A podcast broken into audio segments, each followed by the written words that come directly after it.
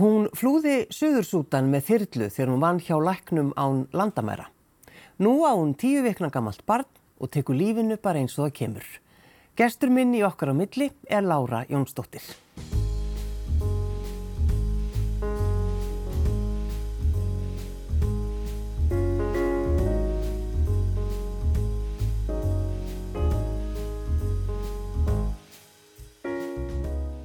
Takk fyrir að sitja hjá mér. Takk fyrir að fá mig. Er hægt að breyta heiminum? Já. Ef þú segir það bara? Já, en það þarf rosalega mikið til. Mm.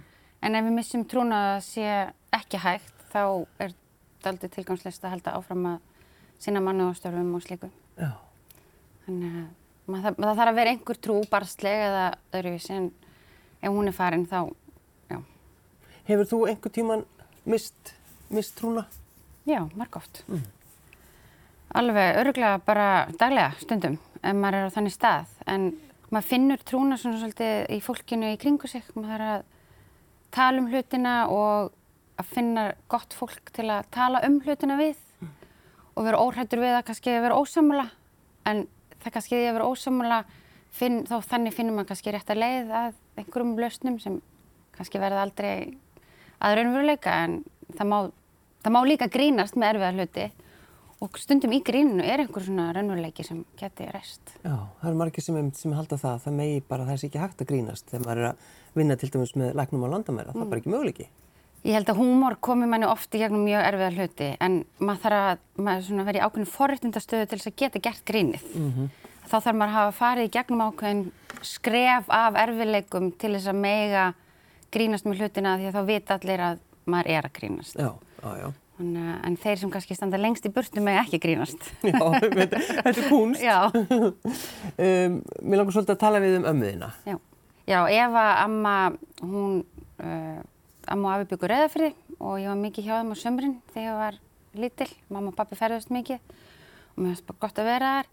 En hún var líka bara svona hörð, svona hörð ást en samt bara indisleg og hún diskuteraði bara við okkur barnabönnin um pólitík og, og veist, ég var sex ára þegar ég vissi Stengurum Hermansson veist, bara, og, og hérna, þá var setið bara við í eldúsinu og hlutinni rættir og ég var látið að setja í vél og, og svona skömmiði í dætti lækin þannig að það er einhvern veginn, lærði maður svona ákveðin gildi sem er mjög vinst alltaf að tala um í dag og maður getur sett orð á en, en á þessum tíma þá kannski áttar maður ekki alveg á því að það var það sem hún var að gera, innlega einhver svona gildi lífsins í mann. Mm réttlætiskend eða hvað?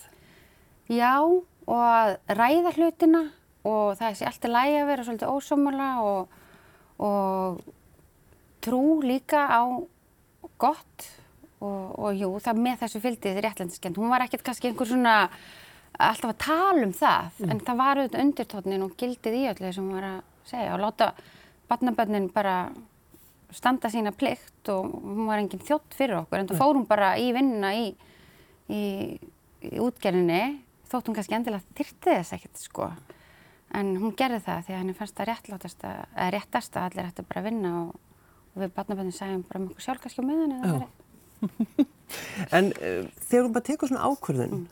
að því þetta, það er svo auðvilt að segja þetta ég ætla að vinna með læknum á landamæra ég ætla að bjarga heiminum mm. og svo segir maður þetta kannski við sem aldrei eða eitthvað mm. svo gerir maður þetta ekki en mm. hvað var það sem gerða verkum að þú steyst þetta skref?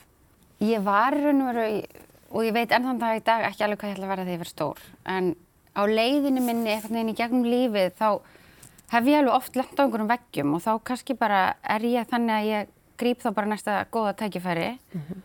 og um, hafði verið að vinna í Oslo, fór þar og var að vinna í, í sendiráðinu og þá var hrunið á Íslandi og hérna, það var bara doldið erfitt að vinna í sendiræðinu, það var mjög mikið álag mm. og út frá því þá fer ég í mastersnám sem byrjar í Oslo mm. og það eru friðar átakafræði og það var heldur ekkert eitthvað ákveð, heldur þetta bara svona dætt svolítið í fangið á mér, þessi auglýsing. Friðar og átakafræði? Já, Já. lærið alþjóða samskipti með áherslu á friðar átakafræði. Mm. Og það sem var áhugavert við námið í Oslo að það var, vorum raun og var alltaf að tala við svona fólk sem hafði starfað á vettfangi og var að vinna beint að þessum málum. Þetta var ekki endilega bara kenningar eins og verða oft í svona mastersnámi. Já. Og það var mikið verið að ræða kynja hlutvöld í stríði og, og seðferði í stríði og svona þá er alltaf að tala við fólk sem hefur verið á vettfangi. Og svo kláraði námið í Ástralíu, þar sem alþjóðarsnafskiptin voru kend. Og það var svolítið áhugavert sko að vera svona öfugum pólum, bókstaflega, og horfa á alþjóðarsamskipti. Og svo þegar ég er búið með það, þá fyrir ég aftur til Oslo og er daldur svona hvað er ég að gera. Þá sé ég þessar kynningu um fundi hjá Læknumalandamæra og ég segja ok, ég ætla bara að byrja það sem ég langar mest að vinna. Svo mun ég færa mig niður listan að ég átti ekkert vonan til að, hvað hafði ég fram að færa í ekki er ég læknir og ég var svona frekar ung og held kannski að ég myndi ekkert hafa svo mikið að gera. En á endanum hafði ég bara mjög mikið fram að færa. Var, er rosalega góð í, í skipulagi og öllu þessum öðrum finnst mjög leðilegt Finnst þér gaman? Finnst mjög gaman og sérstaklega með svona skapandi fólki. Svona, þá er ég að hjálpa að koma óriðu, óriðinni inn í Excel-skjalið. Þá átti það bara mjög vel við. En ég sæki um þarna og kemst í gegnum svona umsóknarferli, það eru viðtöl og, og svona hálfgert próf og svona. En svo fór ég bara ekki strax, svo bara löng byggð, af því að þetta er ekki svona, sko, svo ferð þú bara eftir viku og af því það er ekkert alltaf að vita hvað þarf og það eru vísa umsóknir og alls konar svona. Þannig að ég beigð og var í Oslo og var svona eiginlega hætt við að fara bara því að ég var bara með mjög góðan yfirmenn í sendiránu þar sem ég með og bara með leið vel. Oslo- Þægileg innivinna. Þægileg, inn- já, það er svolítið mikið álag, en Reyndar. Oslo er yndisleg Já. og ég er, en svo hérna kom símtalið og það kom svolítið erfum tíma því að mamma hafi verið nýgreind með krabba minn. Þá kom svolítið svona, ætla þú í alveg að fara í burtu frá þínum skildum Já. og ég tala bara við mömmu og pappa og, og þau bara, þú ert ekki að fara að stoppa þitt, þitt líf út af þessu. Það verður kallað á og þú þarfst að koma heim. Þau kannski hafa skilning fyrir svo því þau sjálf byggum ekki erlendis. Og þá fór ég til Afganistan og bara geð spennt. Og geðið spennt. Og þar er, ertu, ertu þá ekki sko þar að vinna á fæðinga deild? Sko, þetta var sjúkrahús Já. í útkverfi Kabul og það var uh, einn stærsta fæðingadeild sem læknir og landamæður reka, svona alþjóðlega, var þar. Hvað það voru 1200 fæðingar á mánuði, minnum mig. Vá. En ég hvað, þú veist, þú ert ekki læknir, þannig að þú fyrir að vinna þarna á þessari fæðingadeild. Ég fyrir að vinna á þessu. Sjúkrahúsi, Þetta var bara já. sjúkrahús sem vorum að reka með yfirvöldum. Það er yfirvöld þannig að við rekum með yfirvöldum til að styðja við starfseminna. Af því við erum ekki þarna eitthvað, bara eitthvað, ó, opnum hérna. Við erum að reyna að styðja við og byggja eitthvað upp. Og þannig að þá var ég uh, mannus og fjármálastjóri og þá, og mér finnst alltaf lægi að segja og minna fólk á það. Ástæða fyrir að fólk eins og ég fer á svona staði og þó að ég hef ekki verið sko með áratuga reynslu, ég var nú alveg með kannski meiri reynslu margir á mínum aldri, það er að því að það þarf að gæta hlutleysis og þá að hafa einhvern sem er ekki úr samfélaginu að sjá mannaráðningar, að sjá um fjármálinn sem er ef eitthvað slemt kemur upp á, er hægt að kippa út úr umhverfinu. Þannig ég hef enga hagsmun að gæta að ráða einn yfir annan eða að, þú veist, ef það verður eitthvað svindl þá ég geta séð það og á að geta sagt ef eitthvað gerist. Og það er ástæðum fyrir að mannúðar og hjálparstarfsfólk fer á staðinn. Það er ekki að því að við erum eitthvað svo mikið betri heldur en fólkið á Nei, nei, staðinn nei, akkurat. Gleymist stundum Já. svona í sérstaklega ungt fólk ó, má ekki, mér langar svo að gera þess að þú einhver svona, mm, kannski nýjútskriður á háskóla heldur hún getur bara rokið út til Afríku að bjarga og eitthvað, nei, elsku mín Það er ekki þannig. Um, mér langar líka svolítið að stoppa við Suðursútan. Já, Um, þá uh, ertu sko, það er að heilsugjæsla inn í miðjulandi, er það ekki? Um, átök, þar, og þar eru átök og þú ferð inn í það allt saman. sko, Suðsútan hann yngsta land heims að þá, það þetta var um, í desember að jóli kringum áramót 2014-15 ég held að þau fengi sjálfstæði 2009 í mann rétt. Og það er svona kraftur í landinu og svona eftir margar ára borgarstyrjöld. Svo fer ég í, eh, inn í bara mitt Suðsútan og þetta er svona algjört bara grundvallar líf. Já. Og það var eitt rafall í þorpinu, eða þorp má kalla, og það var okkar og hann var til að halda livjumköldum og svo vorum við með svona fristikuppa líka sem við gemdum í fristi sem var í gangi þá svona 6-9 tíma á dag mm. og hann, þá var líka hlut að vinnunum minn þar var að taka út fristikuppuna og halda græmitin okkur köldu með þessum fristikuppum oh. og maður gerir alls konar sko og hérna þá er ég þar og þá er allt í friði því ég kem en svo brjótast út uh, átök millir þessara stríðandi fylkinga þegar við erum og við... Sko þessi tilfinning þegar Já. það, segðu okkur hans frá því, hvað hva hugsa maður? Þetta er mjög enginleg tilfinning, maður fær, sko átökinn brjótast út og við fórum þar sem við, úr þessari heilsugjastlu þar sem við vorum, sem voru svona þrýrvekkir og rest voru tjöld, fórum yfir í svona kompánd hjá samniðu þjóðan sem voru þarna, sem voru svona friðargæslu liðar mest frá Índlandi og þeir buðu okkur, þú er búin að segja að við ættum að koma til þeirra, koma til að gera þannig að við, helmingurinn á hóknum fyrir þangað og helmingurinn verður eftir. Uh, við erum þar og yfir nótt og bara með allir úr þorpinu, það fór bara allt þorpið inn í þetta kompánd og það er einhvers konar að, að vera með öllum, það var alveg ofsalega gott þá já við erum ekkert að vera betri en hinnir, við erum bara, og mann er langaði bara að vera með öllum, með þorpinu, Má, og maður eru auðvitað fann að kynast fólki og, og svona, en svo uh, fáum við bara fréttir um það að við verðum bara að fara því að átökinn sé að brjótast út í höfuborginni líka, út um allt land og það verður bara að senda okkur úr landi. Mm. Og þá, sko, ég, ég, sko, í svona minningunni þá hefði þetta geta verið svona millir vika og klukkutími, það er ekkert tímaskinn. En ég veit ég var að nefna nótt, eða þú veist, ég, ég veit það, en hérna, en þú veist, ég á myndir og svona sem hjálpa mér að, svo kemur bara því að það er sem þyrrlega eftir okkur. Og það er uh, Rauðukrossin, af því að Rauðukrossin var að vinna með okkur, leknum og landa mér hérna og það koma tískir þyrrlufljómenn og ég bara svona í sjén, bara ég get lokað á hann og bara, ok, og hann stendur hérna bara og svo þið verða að koma núna. Þá voru búin að myndast eitthvað glöggi sem við máttum nýta til þess að fara í þyrrlan og við fengið leiði hjá þessum sem voru að, þetta var bara svona mjög grundvallar átök, þetta var bara hermenn, ungi strákar með byssur, mm. ekkert skriðdreikar eða neitt. Og við hlaupum búkstilega í þyrrluna og skiljum bara fólkið eftir. Og mest á okkar eigum og svona líka. Og maður fær alveg svona óbræði munnin. Hvað manns forréttindi eru mikil. En auðvitað var ég samt gestur þarna og þau vissu öll að þetta myndi gerast. Allir þorpsbúar skildu þetta alveg og sáu enga ástaf fyrir okkur til að vera áfram og, og hvött okkur til að fara og auðvitað báðuðu okkur um að koma með. En það var svona sárast og svona það sem ég hugsa mest um eftir á var að við skildum eftir ófriska konu og hún var, það var einhvern veginn lífbeinið hennar var vaksið þannig að hún, við vissum hún ekki geta eignast batnið eðlilega.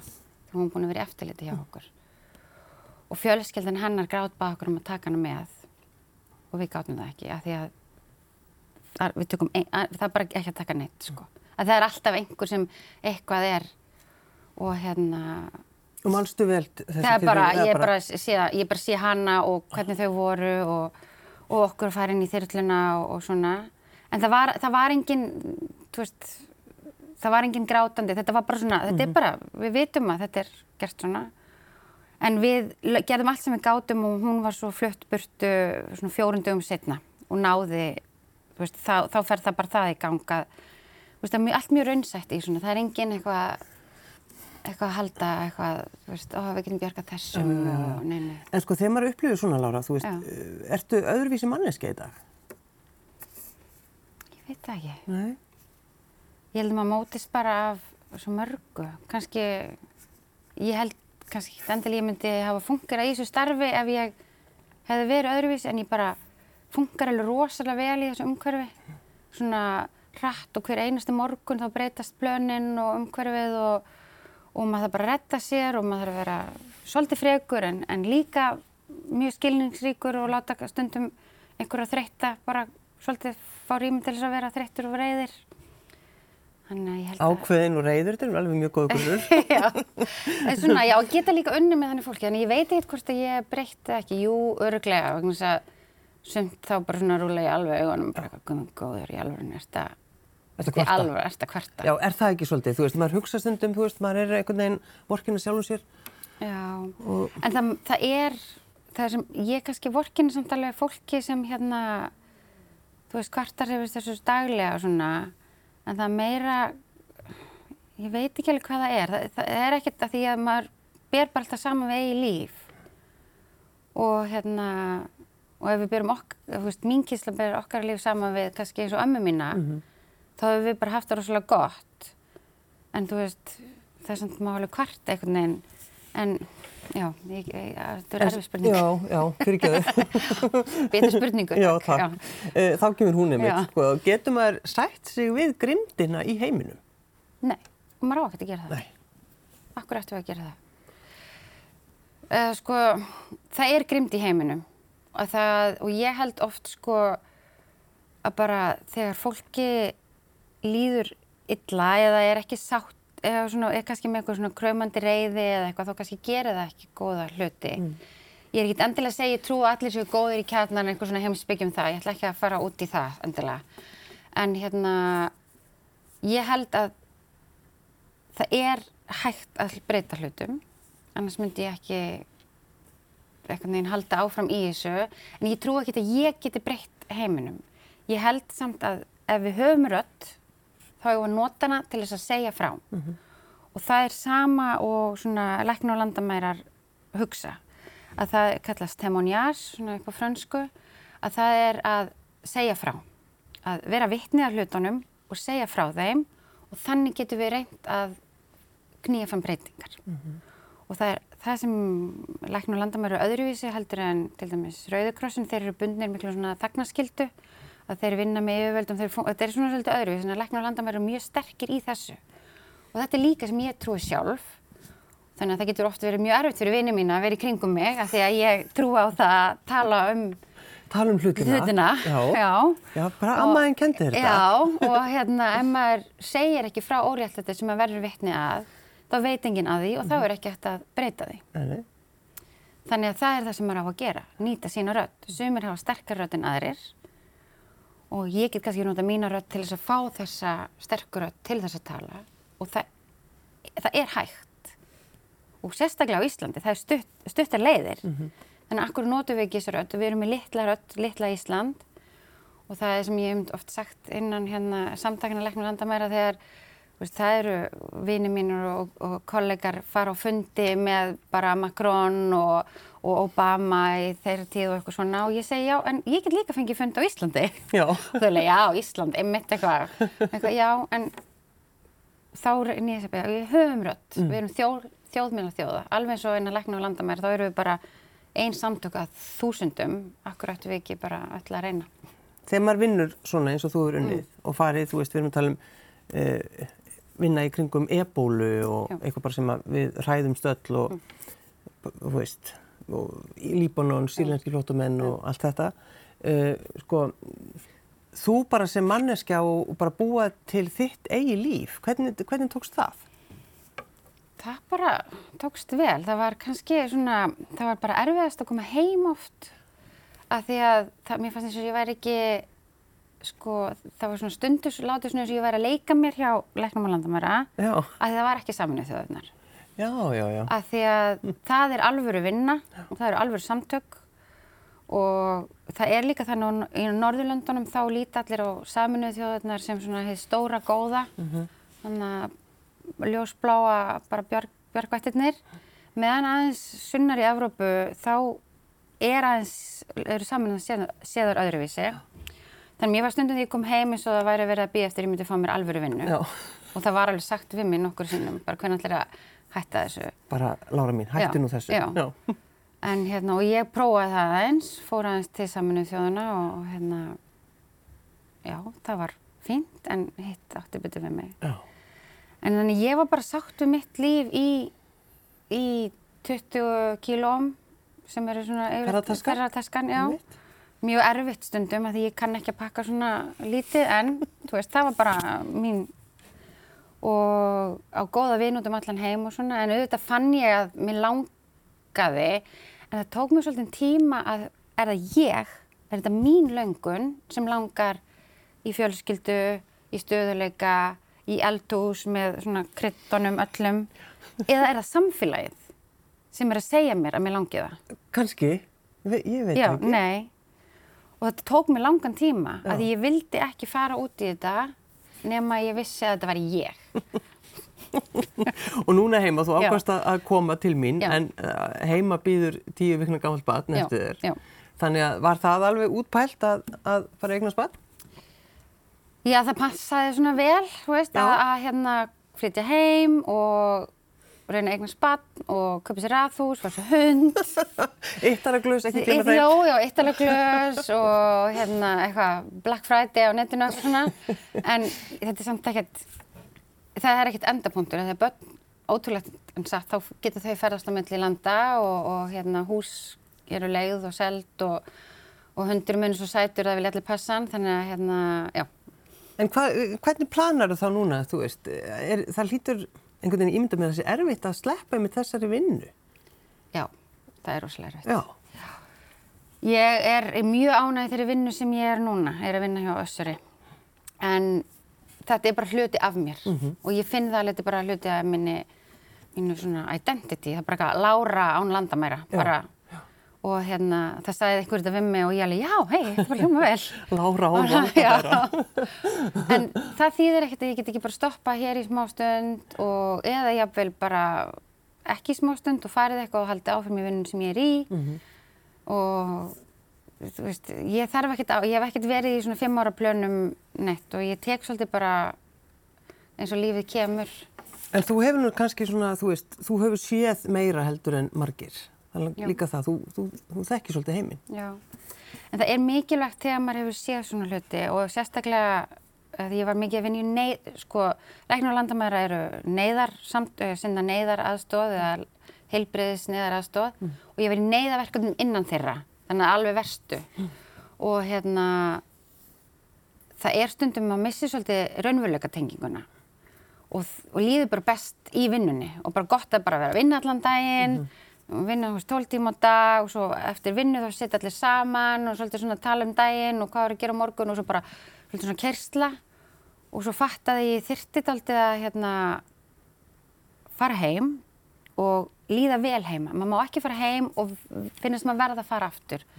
Að því maður verður að vera bara manneskja þegar maður er að vinna. Svo maður má ekki vera bara hjálparstarfsmaðurinn eða mannúðarstarfsmaðurinn sem bara þrýfst á óriðu.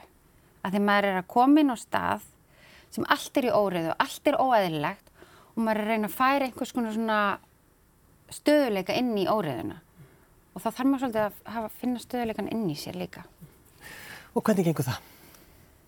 Það er, það er erfitt og hefur tekið svolítið tíma en, og koma heim og fekk ég svona, svona öfugt menningarsjokk. Það var, var miklu erfiðar en ég held. Eiginlega miklu erfiðar en heldur en að vera úti. Allt í hennu var ég bara að vinna með Íslendingum og, og ég var að samskipti ekki alveg, var ekki að passa inn og svona. En núna er þetta komið. Ég finn að ég er svona, ég er búin að, ég er búin að lenda. Og þá kannski fyrir eftir. Nei, Já, þá- Nei það er að ég er ekki bara alveg strax. Þú ert minnst kostileg. Já, Lára, Já. takk fyrir að sitja hjá mér. já, takk.